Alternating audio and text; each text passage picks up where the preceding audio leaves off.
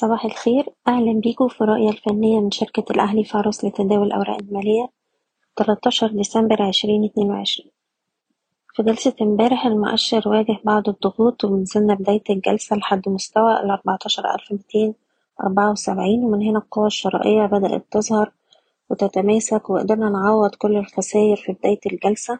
وقفلنا على ارتفاع عند أعلى مستوى في الجلسة عند 14723 في نفس الوقت إحنا عندنا دلوقتي مستوى مقاومة هام عند الخمستاشر ألف نقطة.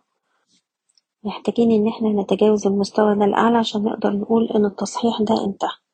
في نفس الوقت اللوهات بتاعت جلسة امبارح بقت طبعا مستويات دعم هامة جدا ومستويات حماية الأرباح لكل سهم على حدة في حالة كسرها تبقى إشارة على بداية عمليات تصحيح.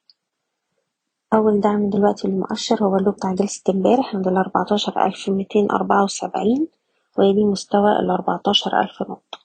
وننصح دلوقتي بتخفيض مراكز الشراء من الهامش مع الارتفاعات والناس اللي مش عايزة تبيع تقدر ترفع حماية الأرباح للو بتاع جلسة امبارح حسب كل سهم على حدة بشكركم بتمنى لكم التوفيق.